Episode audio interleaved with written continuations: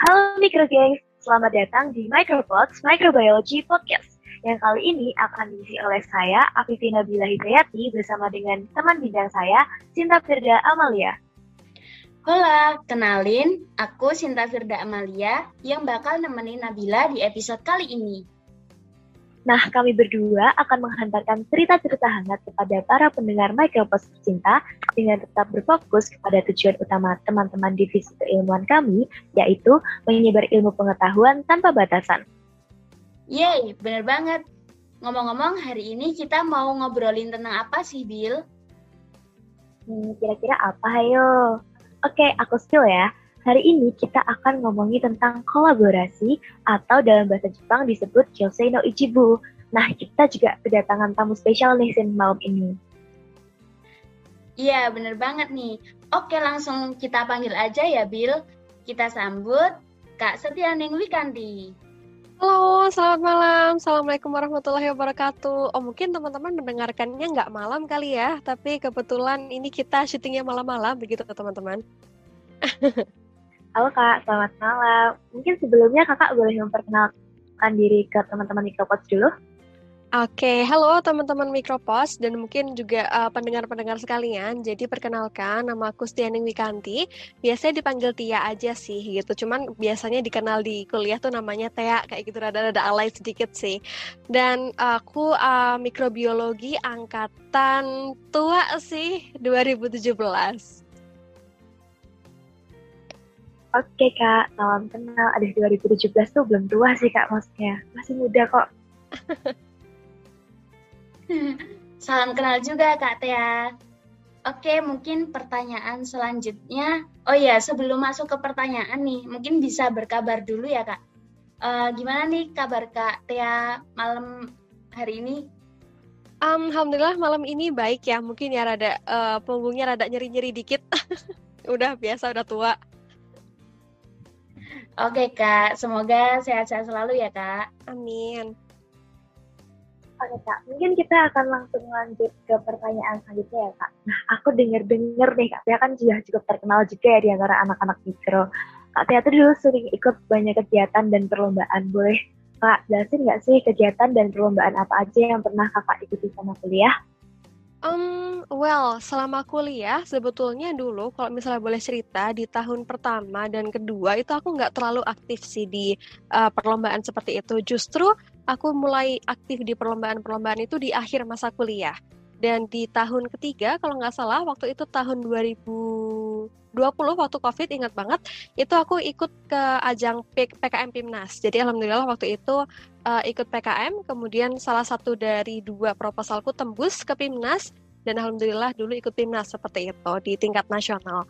Kemudian justru setelah lulus dari kuliah nih aku juga ikut lagi perlombaan di kancah internasional yang dinamakan dengan IGEM atau Internationally Genet I'm sorry IGEM International Genetically Engineered Machine yang waktu itu diadakannya di Paris.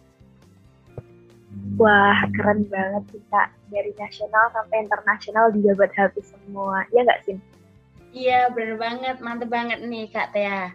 Oh iya Kak, tadi kan Kakak sempat mention tentang uh, Kakak sempat ikut perlombaan Pimnas gitu ya Kak. Sampai mm -hmm. akhirnya bisa juara. Nah, mungkin bisa diceritain nih ke teman-teman Micropods gimana perjuangan dan persiapan Kak Tia untuk meraih itu semua gitu. Oke, okay. eh anyway tadi aku ngomongnya kecepatan nggak ya? Nggak kan? Nggak, Kak, aman. Oke. Okay. Um, anyway tentang persiapan PIMNAS, jujur kalau misalnya sebagai dulu mahasiswa mikrobiologi, karena dulu kan kurikulumnya beda ya dengan kurikulum sekarang. Jadi dulu itu saya uh, cenderung uh, dulu jujur dulu tuh aku rada cenderung kesulitan untuk ikut ke PIMNAS atau PKM karena kami belum dapat uh, uh, materi yang komprehensif gitu terkait dengan mikrobiologi di tahun pertama dan kedua. Dan baru di tahun kedua akhir itu kami baru dapat materi tentang mikrobiologi. Jadi uh, karena sekarang udah beda ya kurikulumnya, jadi mungkin teman-teman udah bisa mulai nyoba nyoba-nyoba nih untuk masukin proposal ke PKM kayak gitu. Dan untuk perjuangannya sendiri, dulu alhamdulillahnya aku ada kolaborasi juga dengan teman-teman dari fakultas lain, yaitu di fakultas biologi. Jadi justru aku ikut PKM PIMNASnya itu bukan uh, dari Fakultas Pertanian, tapi atas namanya Fakultas Biologi. Jadi sebetulnya bagus banget loh buat teman-teman untuk nggak hanya berkutat di mikro aja, tapi coba deh jalan-jalan keluar-luar. Siapa tahu ada proyek yang menarik yang bisa dikaitkan dengan mikrobiologi.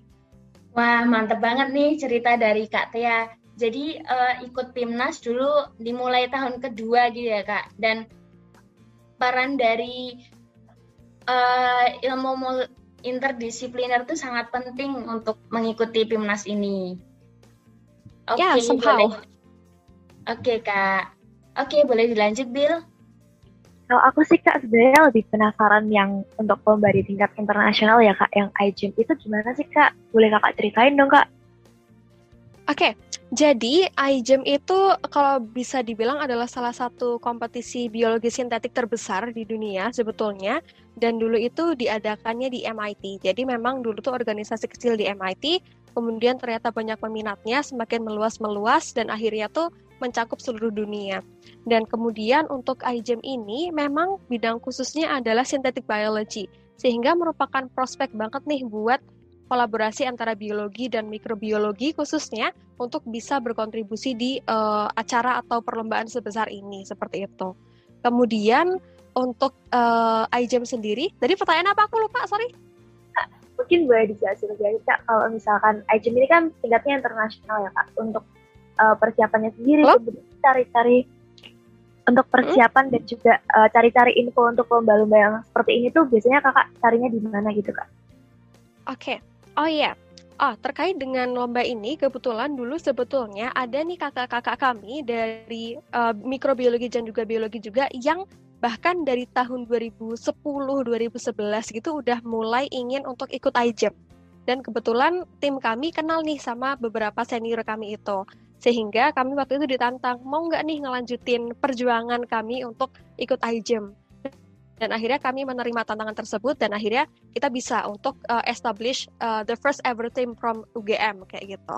Karena sebetulnya IJEM ini bukan suatu hal yang dalam tanda kutip bukan suatu hal yang mudah untuk digapai karena memang fundingnya itu tuh sangat-sangat besar sekali.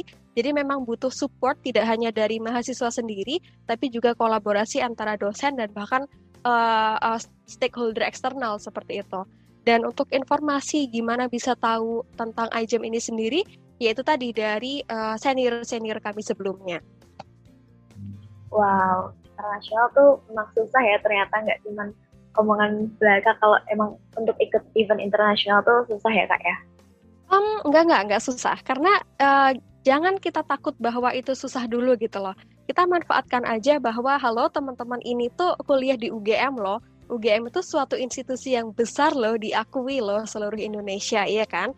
Jadi justru apabila kita ingin berprestasi, pasti akan didukung penuh nih sama UGM, gitu. Wah, oke Kak, terima kasih masukannya. Mungkin boleh dilanjut, Cinta? Oke, mungkin sebelum masuk ke pertanyaan selanjutnya, aku mau menanggapi juga tentang iGEM tadi ya, Bill ya.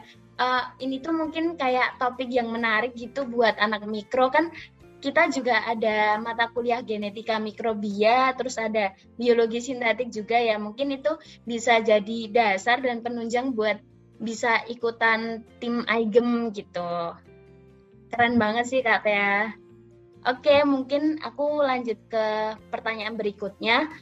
Nah, anak mikro ini kan identik uh, kayak kerja di lab atau melakukan penelitian-penelitian gitu ya Kak Tia. Nah, Mungkin bisa diceritain gimana pengalaman penelitian Kak Tia selama selama di bangku perkuliahan gitu Kak. Oh oke. Okay. Jadi selama di bangku perkuliahan, uh, disclaimer terlebih dahulu ini juga merupakan uh, apa ya istilahnya perjalanan penelitianku tidak hanya deskripsi ya teman-teman, tapi juga di PIMNAS dan PKM seperti itu. Jadi penelitian pertama yang pernah saya lakukan waktu itu pada tahun berapa ya? 2018 kalau nggak salah yang mana uh, waktu itu aku menjadi si, salah satu asisten penelitian di biologi justru. Jadi lagi-lagi aku sering banget main ke biologi gitu dan di situ aku menjadi asisten penelitian dan menariknya adalah penelitian yang dilakukan waktu itu itu kita melakukan metode yang namanya dry lab gitu. Dry lab tuh gimana sih? Lab kering gitu kan? Bukan. Jadi dry lab itu intinya adalah kita melakukan penelitian berkaitan dengan mikrobiologi tapi di komputer gitu. Jadi kita tidak turun secara langsung kayak pipetting atau kayak kita strik atau kayak menggunakan medium agar gitu enggak, tapi kita hanya memanfaatkan teknologi internet database yang ada di uh, luaran sana untuk melakukan penelitian berkaitan dengan mikrobiologi seperti itu dan bahkan biologi secara umum. Itu penelitian yang pertama. Jadi waktu itu saya menjadi riset asisten, hanya sebagai riset asisten sebetulnya karena masih anak bawang. Kemudian untuk tahun berikutnya uh, saya atau aku mulai untuk um, masuk ke PKM dan PIMNAS ini. Namun karena waktu itu tuh pandemi ya, waktu itu pandemi dan COVID, sehingga kami penelitiannya itu tuh hanya sekedar lagi-lagi dry lab seperti itu. Jadi walaupun teman-teman itu tuh mikrobiologi yang identik dengan becek-becekan, uh, ini tiket aja becek-becekan, yang berkaitan, ya aku ulangi, yang berkaitan dengan mikroba, tapi nggak melulu loh teman-teman harus bersentuhan langsung dengan mikroba. Teman-teman juga bisa untuk penelitian dengan metode dry lab itu tadi, gitu kan. Jadi karena ada pandemi, kami penelitian lagi dengan dry lab dan akhirnya kami ajukan tuh proposalnya ke PKM dan PIMNAS dan akhirnya itu lolos dan juga kami alhamdulillah mendapatkan tembus juara di PKM PIMNAS. Kemudian penelitian selanjutnya itu adalah skripsi dan deskripsi ini ini aku wet lab banget nih teman-teman. Jadi terjun ke lab banget. Jadi waktu itu supervisorku adalah Pak Irfan dan uh, aku ikut ke proyeknya Pak Irfan yang mengenai um, apa ya? Aku lupa sebentar. Proyeknya Pak Irfan yang mengenai pemanfaatan bakteri sebagai agen biodegradator um, sorry pemanfaatan bakteri namanya Chromobacterium violaceum sebagai agen biolicing emas seperti itu. Jadi waktu itu nge-lab banget dan kemudian menggunakan metode-metode tertentu, menggunakan shaker, menggunakan uh, inkubasi dan lain-lain sebagainya. Kemudian penelitian skripsi ini selesai dan ternyata penelitian skripsi ini kami lanjutkan teman-teman ke iGEM. Jadi sebetulnya iGEM itu ide penelitiannya berasal dari proyeknya Pak Irfan juga, tapi approach-nya berbeda. Di penelitian skripsiku, approach-nya adalah penggantian metode uh, penggantian medium jadi yang awalnya menggunakan medium lab diganti dengan medium uh, alternatif. Kemudian yang dilanjutkan di iGEM itu kita menggunakan pendekatan berbeda yaitu pendekatan synthetic biology. Jadi kita uh, berusaha untuk memodifikasi genetic materials dari si mikroorganisme tersebut. Seperti itu kira-kira uh, track record penelitian yang pernah uh, track record penelitian yang pernah uh, aku lakukan. Wih, menarik banget nih Kak Tia. Berarti total udah sekitar empat penelitian ya kak ya? Empat topik? Ya, empat topik kurang lebih. Oke, keren banget kak. Uh, tadi juga bisa memberikan insight bagi pendengar micropods gitu ya. Jadi uh, kita tuh nggak cuma ada wet lab aja loh, ternyata juga ada dry lab seperti yang dijelaskan Kak Tia tadi. Terus juga uh, tadi keren banget dari topik yang diangkat di skripsi bisa juga dibawa ke iJam. Oke, mungkin boleh dilanjut, Bill? Mungkin karena udah melewati masa-masa kuliah offline dan online, aku penasaran hal-hal penting yang menurut Kak Tia tahu, tapi uh, menurut Kak Tia kalau harap tahu sejak awal perkuliahan, karena kita juga lagi menyambut mahasiswa baru nih, Kak. Uh, hal pertama, menurutku adalah bahwa uh, ada loh beberapa uh, beban edu uh, beban apa ya istilahnya beban kurikulum yang ada di mikrobiologi. Jadi kita tidak hanya bertanggung jawab untuk uh, nge-lab dan juga kelas aja, tapi kita juga ada beban yaitu tiga. Yang pertama ada KL atau kerja lapangan, yang kedua ada seminar kelas dan yang ketiga ada uh, KKN oh ya empat bahkan dan keempat adalah skripsi jadi dari awal banget kita memang harus uh, bisa-bisa banget untuk mengatur waktu. Itu yang pertama. Mengatur waktu itu merupakan hal yang uh, important banget. Apalagi sekarang kan mikro masih terkenal ya lulusnya lama seperti itu. Jadi apabila teman-teman ingin lulus tepat waktu, tolong untuk bisa uh, mengatur waktu sedini mungkin dari awal uh, seawal mungkin seperti itu. Kemudian hal yang kedua yang I wish I knew adalah bahwa uh, UGM ini memiliki banyak sekali project kayak gitu. Jadi tidak menutup kemungkinan uh, apabila kita tuh main-main ke tempat-tempat lain seperti yang aku lakukan tadi. Ada loh ternyata uh, di peternakan yang memiliki penelitian berkaitan dengan mikrobiologi dan boleh juga loh kita main-main ke sana untuk belajar di sana kayak gitu. Dan yang ketiga, hal yang sangat aku harapkan dulu terjadi di angkatanku adalah kampus merdeka teman-teman karena kan teman-teman sekarang udah difasilitasi banget ya sama Kemristek sama Kemdikbud untuk ada tuh kurikulum merdeka dan di situ ada banget program namanya ISMA. Jadi teman-teman bisa pertukaran pelajar ke luar negeri, belajar di luar negeri selama satu semester atau satu tahun, dan teman-teman bisa banget untuk ikuti itu. Dan itu dulu di zamanku belum ada, jadi aku sangat berharap bahwa aku ingin ikut itu dulu seperti itu. Wah, oke, okay. bener banget sih kak. Sekarang tuh uh, ISMA tuh mulai banyak jadi incaran para masa ya. Kira-kira kalau kakak bisa kesempatan ikut itu, kakak pengen exchange ke mana kak? Um, well, kalau misalnya keikut ISMA, mungkin aku pengen exchange yang pertama, pengen penasaran banget sama labnya Pak Irfan yang ada di Osaka, itu yang pertama. Yang kedua, pengen banget tahu di UCL, teman-teman, karena di sana ada progr studi program yang berkaitan dengan synthetic biology. Kemudian mungkin juga ke Edinburgh, gitu. Uh, tiga yang ingin, uh, I wish I could ikut ISMA waktu itu. Wah, iya sih. Itu tempat-tempatnya cukup menarik dan pastinya cukup keren juga ya, Kak. Nah, uh, boleh dilanjutin?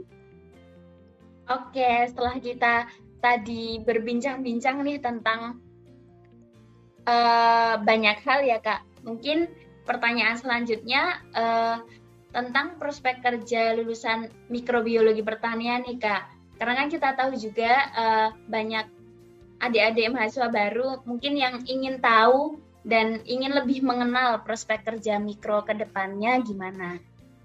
Oke, okay.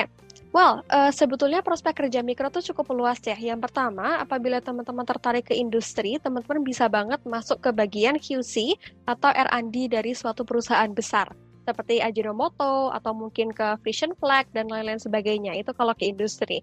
Yang kedua adalah ke bidang uh, education jadi teman-teman setelah lulus bisa langsung melanjutkan S2 dan S3-nya teman-teman sehingga nanti bisa berkontribusi sebagai dosen atau bahkan penelitian uh, peneliti seperti itu. Kemudian yang ketiga, prospek ketiga adalah uh, entrepreneur.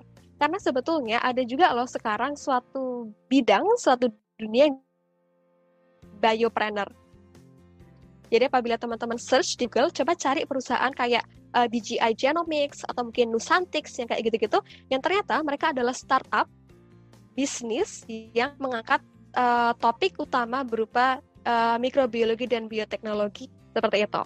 Jadi ada tiga prospek besar yang mungkin teman-teman bisa siapkan dari sekarang banget. Jadi gimana cara define passion teman-teman besok untuk setelah lulus mau jadi apa? Tentukan aja dan cari pengalaman sebanyak mungkin selama teman-teman kuliah. Dengan cara gimana? Ikut internship, uh, serius di KL dan juga uh, kepo-kepo di dari tempat lain selain di kampus kayak gitu teman-teman. Wah mantap banget ya ternyata prospek kerja dari mikro ini mulai dari industri terus biopreneur sampai ke uh, ingin jadi dosen ataupun penelitian peneliti dengan mengikuti S2 maupun S3. Nah, selain kita mengenal sosiopreneur nih, ternyata seperti yang dikatakan Kak Tia tadi, ternyata ada juga loh teman-teman yang namanya biopreneur. Keren banget sih itu. Jadi uh, untuk menentukan kita besok mau terjun ke bidang apa, itu bisa kita cari selama selama kuliah dan mencari pengalaman-pengalaman seperti itu. Mungkin bisa dilanjut, Bill? Oke, okay.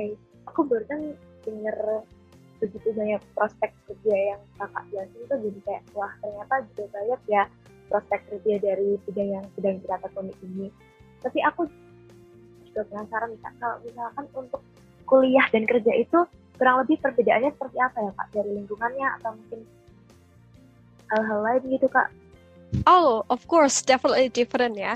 Jadi kalau misalnya teman-teman kuliah dan melanjutkan, oh kuliah di dalam hal ini kuliah S1 atau kuliah lanjut lanjut S2 nih maksudnya? Uh, kita ambil topik yang S1 dulu. Oke, okay, S1 dulu ya. Oke, okay, jadi ada perbedaan yang ya cukup signifikan ya apabila teman-teman masih kuliah dan di dunia kerja seperti itu. Ibarat kata gini, kalau teman-teman kuliah gitu kan, hujan gerimis saja, ah males lah tidur di kos, nggak masalah, ya kan? Tapi kalau teman-teman kerja, ada badai menerpa segede apa pun, tiba-tiba ada lumpur lapindo di depan kosan teman-teman, you still have to work. Seperti itu. Itu perbedaan yang pertama dan yang paling signifikan. Yang kedua adalah ketika teman-teman sudah bekerja, pasti teman-teman harus uh, melakukan seprofesional mungkin. Sometimes uh, dan somehow mungkin teman-teman sudah tahu ya mengenai profesionalisme selama di organisasi, tapi implementasinya tuh akan lebih kerasa banget di dunia kerja kayak gitu teman-teman. Dan di dunia kerja itu uh, apa ya istilahnya partnernya dan teman-temannya itu akan lebih uh, luas dan juga educational backgroundnya tuh juga macam-macam. Jadi jangan harap ketika teman-teman ngomong A ditangkap A sepenuhnya seperti itu. Jadi kadang kita harus adjusting kepada siapa kita ngomong dan apakah dia memiliki educational background yang sama dengan kita sehingga kita bisa uh, harus lebih mengkalibrasikan apa yang kita omongkan seperti itu. Wah, oke okay, Kak. Terima kasih banyak. Kayaknya tipsnya sangat-sangat membantu ya Kak. Mungkin kayaknya karena udah mau di ujung, mungkin Cinta mau lanjutin lagi pertanyaannya. Oke Kak, mungkin ini pertanyaan terakhir ya untuk uh, Micropods episode kali ini dari Kak Tia sendiri ada nggak pesan atau tips buat mahasiswa mikro baik yang mahasiswa baru maupun mahasiswa lama gitu? Sama sekalian mungkin bisa ditutup dengan closing statement Kak? Oke, okay. well kalau tips ada sih beberapa. Jadi tips yang pertama adalah uh, apabila kalian itu masih kuliah dan apabila kalian masih be, uh, belajar di mikrobiologi, tolong fokuskan belajar kalian, tapi jangan lupa untuk mencari pengalaman sebanyak mungkin. Entah itu pengalaman di organisasi, entah itu pengalaman di profesional atau di industri, dan juga manfaatkan waktu kalian sebaik mungkin untuk bisa meraih relasi uh, seluas mungkin di Universitas Gajah Mada. Itu yang pertama. Kemudian yang kedua adalah teman-teman optimalkan waktu belajar teman-teman. Dan teman-teman dari sekarang itu tuh harus membuat yang namanya backward plan. Apa sih sebenarnya backward plan adalah kapan teman-teman ingin lulus, itu kayak menentukan kapan teman-teman ingin lulus dan bagaimana caranya untuk bisa lulus pada uh, apa namanya pada saat tertentu, pada waktu yang teman-teman tentukan itu. Oke, jadi pada uh, misalnya katakanlah teman-teman pengen lulus pada tahun keempat gitu kan. Jadi teman-teman udah harus define nih tahun ketiga teman-teman harus apa, tahun kedua harus apa, tahun pertama harus apa, dan target teman-teman tuh apa. Karena kan teman-teman juga udah dewasa ya, apalagi maba-maba yang ada di sini, kalian juga sudah dianggap dewasa. Itu tips yang kedua. Kemudian tips yang ketiga, perkaya diri kalian dengan soft skill uh, perkaya diri kalian dengan soft skill soft skill di luar mikrobiologi. Kenapa? Karena itu bakalan bermanfaat banget. Karena kan sekarang kan eranya gig ekonomi ya di mana teman-teman tuh bisa bekerja di luar bidang teman-teman sebagai side hustle. Ih, berat banget sih bahasaku sebagai side hustle kayak gitu ya. Jadi misalkan teman-teman nih working uh, 9 to 5 di industri, besok kalau misalnya udah uh, lulus gitu kan, industri. Cuma uh, Oke, okay, teman-teman akan work work 9 to 5 di industri. Kemudian, waktu sore teman-teman hingga waktu malam teman-teman, bisa loh teman-teman alokasikan untuk meraih atau melakukan side hustle itu dengan cara apa? Dengan memanfaatkan skill yang teman-teman punya. Jadi kalau bisa, mulai dari sekarang teman-teman planning nih untuk memperkaya diri teman-teman dengan soft skill yang akan dibutuhkan. Soft skillnya apa aja? Pertama, belajar bahasa Inggris. Karena aku ngerasa bahwa bahasa Inggris itu sangat-sangat bermanfaat. Itu yang pertama. Yang kedua, teman-teman juga perkaya diri teman-teman untuk belajar at least design. Kalau teman-teman nggak suka uh, bahasa, coba ke design. Kalau misalnya nggak bisa lagi, cobalah ke data science kayak gitu. Sehingga besok ketika lulus, teman-teman at least bisa melakukan freelance terlebih dahulu atau bahkan uh, apa namanya menjadikan skill yang teman-teman punya itu sebagai side hustle-nya teman-teman. Itu tips uh, tiga tips yang uh, dari aku seperti itu. Oke, okay, first of all, welcome to microbiology dan juga uh, rasakan hiruk pikuknya roller coaster life-nya. Ngeluh laprak itu normal, ngeluh laprak itu biasa dan nanti teman-teman akan merasakan sebetulnya apa sih manfaat dari laprak itu di akhir seperti itu. Dan jangan menyerah pokoknya lakukan semuanya semaksimal mungkin. Remember do it once oh sorry. Oh gini. Remember the tips is do it nice or do it twice. Oke mantep banget nih tips dan pesan dari Kak Tia buat mahasiswa baru maupun mahasiswa mahasiswa lama mikrobiologi pertanian. Oke, Mungkin uh, itu dulu Micropods kali ini mengenai bincang asik bersama alumni mahasiswa mikrobiologi pertanian berprestasi. Semoga info-info dari Kak Tia ini bisa menambah wawasan dan semakin memotivasi teman-teman mikrobiologi untuk survive di dunia perkuliahan hingga di dunia kerja. Ya, bener banget. Aku Nabila dan rekan bincangku Sinta pamit undur diri ya. Stay tune di episode-episode berikutnya. Dadah! Dadah!